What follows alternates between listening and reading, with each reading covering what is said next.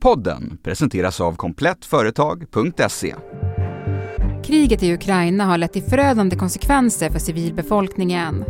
Ryskt flyg uppges ha bombat stadens dramatiska teater där enligt stadens vice borgmästare flera hundra människor sökt skydd. Men det finns fortfarande vapen som ännu inte används och som skulle ta konflikten till en ny nivå. Is Russia setting the stage to use chemical or biological weapons? Mer oroande historiska vingslag kanske är kärnvapenhotet från Putin.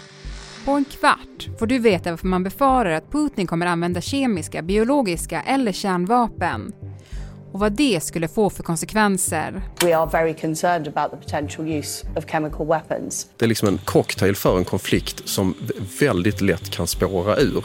Det är måndag den 21 mars. Jag heter Alexandra Karlsson och det här är dagens story från Svenska Dagbladet.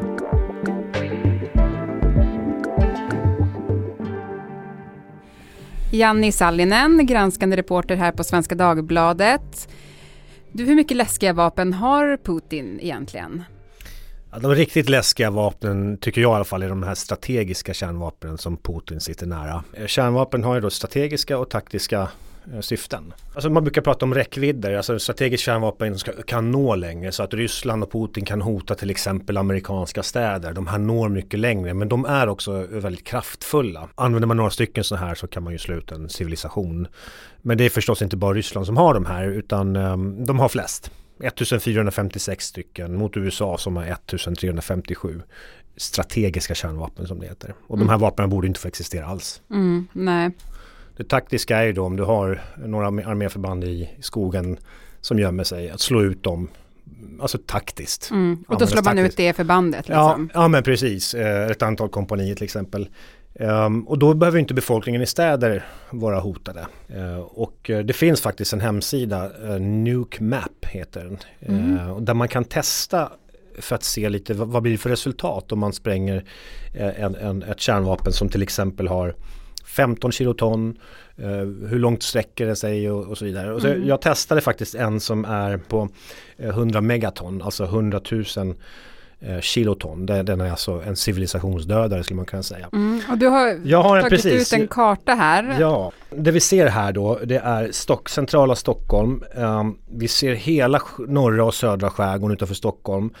Eh, ända ut till Uppsala, förbi eh, Strängnäs, Mariefred, Gnesta, söderut nära Nyköping. Alltså hela den här vägen blir alltså en stor explosion.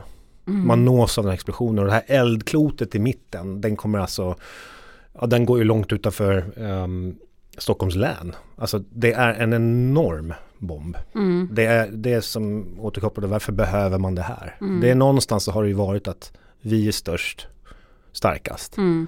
När man pratar om kemiska vapen, vad är det för någonting? Kemikalier som man, det, är, det är kemikalier som används för att skada människor. Man kan ta en flaska klorin hemma och läsa på baksidan. Det är inte bra att andas in det där. Eh, det finns en varningstext om det. Och kemikalier av den här typen kan användas i stridsspetsar. Eh, man skjuter iväg en robot med en laddning som innehåller klorgas till exempel. Eh, och den detonerar över ett område och sen sprids den här gasmolnet med vinden och folk dör. Och biologiska vapen? I princip sjukdomsbomber. Um, det är, man sprider bakterier eller virus för att orsaka sjukdom och elände. Det är eh, kanske ett bättre, tydligare än att säga biologiska, men, men det, är det, det är det man gör då. Mjältbrandsbakterier som or, orsakar svår lunginflammation hos människor. Sen finns det smittkoppor som är ett virus eh, som kan spridas på samma sätt. Och det är en lite kuriosa är att Anders Tegnell, eh, som alla vet vem det är idag, mm. han eh, var överläkare 2002 och skrev då i Läkartidningen om hur Sovjetunionen hade utvecklat smittkoppor eh, till biologiska stridsvapen. Mm. Så det är lite mhm. kuriosa. Det finns internationella avtal som förbjuder både biologiska och kemiska vapen. Men trots det har vapnen både en historisk och nutida användning i krig och terrorbrott. Vi tar några exempel. Vi börjar med biologiska vapen. Under 1300-talet kunde man avfyra pestsmittade lik mot belägrade städer för att på så sätt skada fienden. Under 1700-talet finns exempel på när soldater lämnade efter sig filtar som används av smittkoppssjuka för att skada motståndssidan.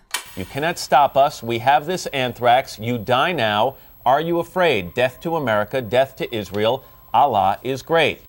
Under veckorna efter 11 september-attackerna 2001 skickades brev med vitt pulver till flera nyhetsredaktioner och senatorer.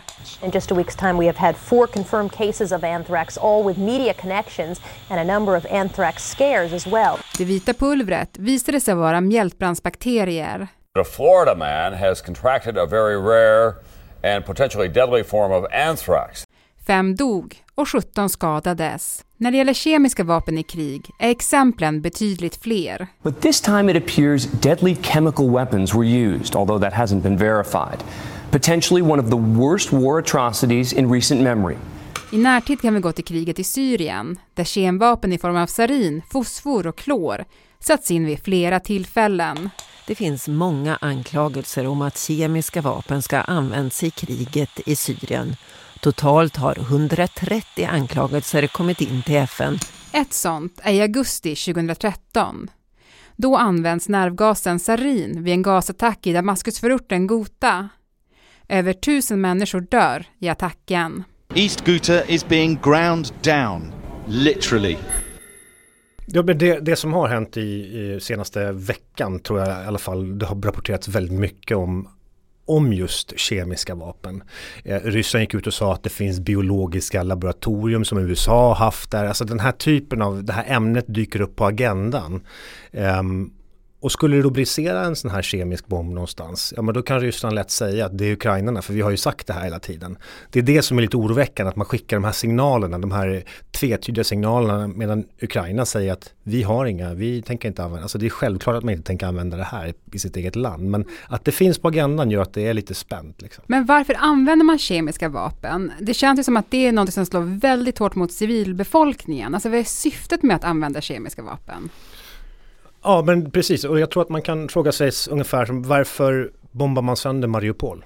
Vad är syftet mm. med att bara bomb, fortsätta bomba, bomba en teater, bara bomba och bomba och bomba? Alltså, mm. Syftet är ju, eller som jag ser det i alla fall, det är att armén kan inte göra så mycket. Alltså trupperna, Rysslands eh, trupper kan inte röra sig framåt. De är fast, Ukraina gör för hårt motstånd.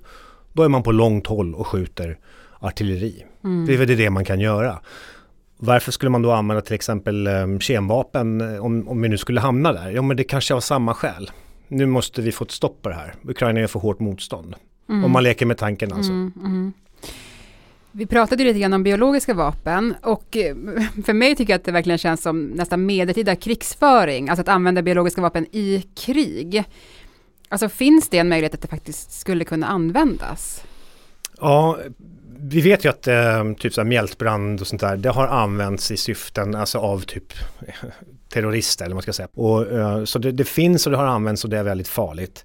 Eh, och det är lite det här medeltida över hela den här saken, att sprida sjukdom. Eh, det är väldigt konstigt, det är väldigt udda.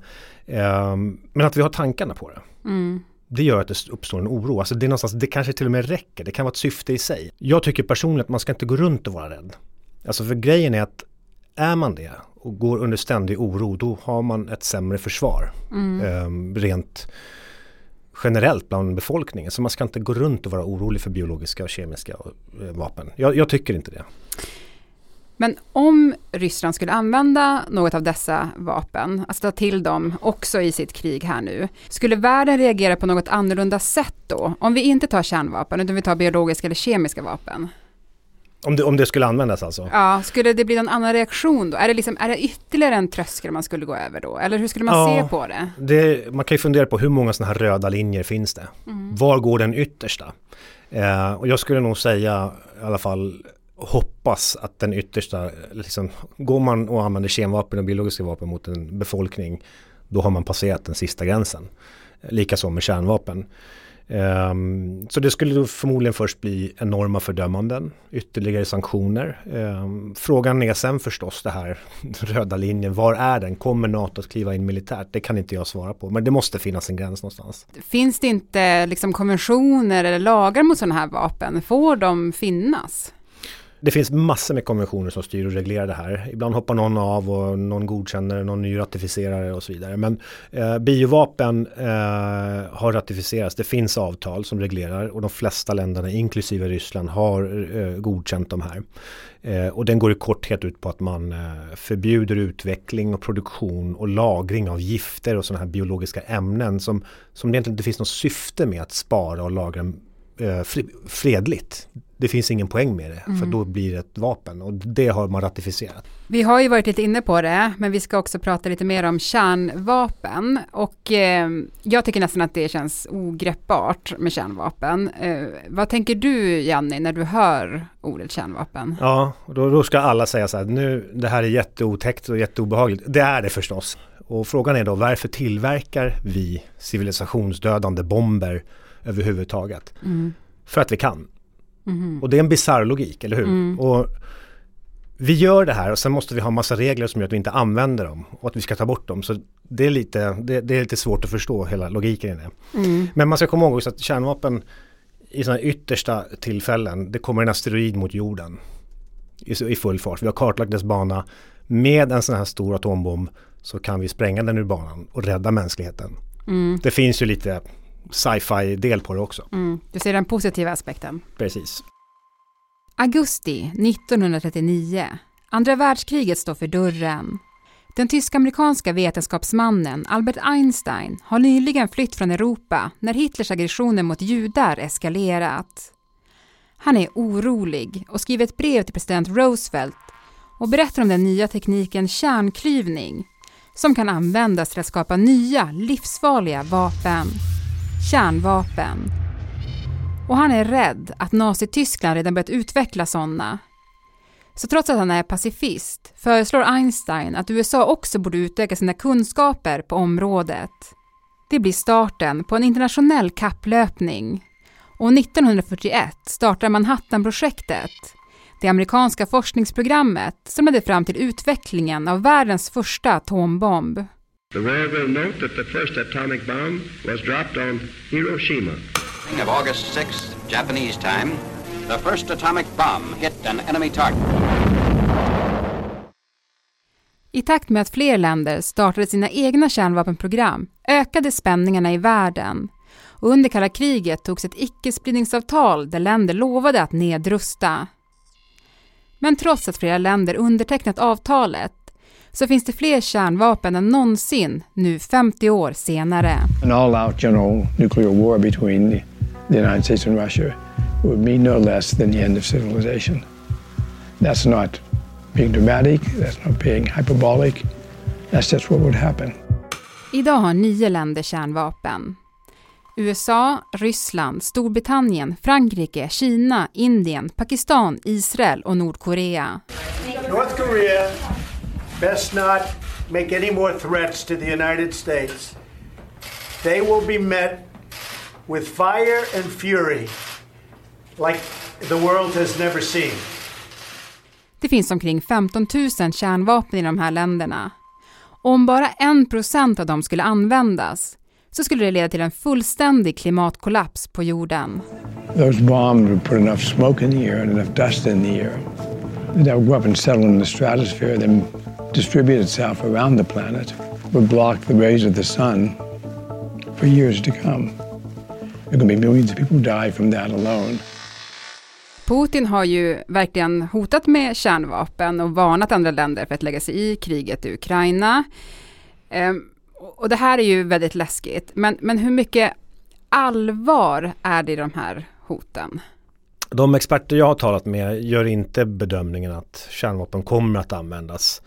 Eh, det är av flera skäl. Dels som jag nämnde tidigare, kärnvapen har använts som politiskt vapenskrammel eh, flera gånger sedan 1950-talet. Ett exempel är Nixon.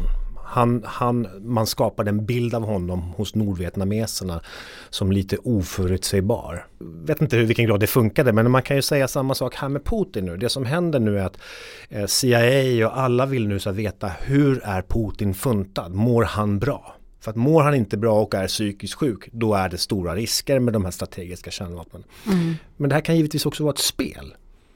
Putin vill framstå som lite, ja, passar. Jag är lite oberäknelig. Mm. Så det är det här som är det här eh, politiska i det. Du kan använda det som ett hot och folk tar det på allvar. Mm. Det är mycket psykologi My, i väldigt det. mycket psykologi, ja. En sak jag också verkligen har undrat är ju då hur, hur många steg är det mellan till exempel Putin och den röda knappen? Nu frågar du mig om sta ryska statshemligheter. Ja. Och du tänker att jag ska... Det tänker jag. Jag, Ja. tror, jag tror högt om dig, Janni. Ja, nej men skulle jag kunna detaljerna här skulle jag givetvis vara jagad. Men, Mm. men så skämt åsido, um, det finns ett system i Ryssland och det kallas för Cheget. Uh, i, USA kallas det för nuclear football, det är lite med formen, det är en slags väska. Uh, i, I de här, det finns ett system här med beslutsdokument uh, och utrustning för att godkänna avfyrande av strategiska kärnvapen. Så man har ungefär motsvarande system i de här länderna. Mm. Strategiska kärnvapen är Putins, eller Bidens. Ja. Det, det är commander in chief som bestämmer. Ja. Om vi då tänker att Putin skulle använda kärnvapen mot Ukraina, vad skulle hända då, tror du? Det skulle vara ett epokskifte. Vi går in i en helt ny, vi har redan gått in i en ny säkerhetspolitisk era. Eh, Men det här skulle vara någonting helt annat. Det skulle, det skulle ju liksom göra det extremt tydligt att vi inte kan ha Ryssland i dess nuvarande form som granne i något sammanhang alls. Alltså kärnvapen är kärnvapen. Det skulle också leda till motåtgärder. Jag är ganska säker på. Sen vill ju ingen ha ett kärnvapenkrig men, men tar någon det steget? Ja, vad tusan händer då? Tack Janni Sallinen för att du var med i Dagens Story. Tack så mycket. Se framför dig en riktigt bra webbshop för IT-produkter och kontorsutrustning för ditt företag. Se framför dig att vid behov få personlig och snabb expertservice utan att behöva handla för flera miljoner kronor per år. Se nu framför dig Komplett Företag, din partner inom IT-produkter och kontorsutrustning online. Gör som många andra och testa fördelarna hos komplettföretag.se. Välkommen! Dagens program producerades av Martina Pierrot. Redaktör var Teresa Stenler från Matern. Och jag heter Alexandra Karlsson. Vill du kontakta oss så mejla dagensstory.svd.se. Klippen i dagens avsnitt kom från SVT, Sveriges Radio, BBC, NBC, ABC News, CNN, Vice, CBS och Washington Post.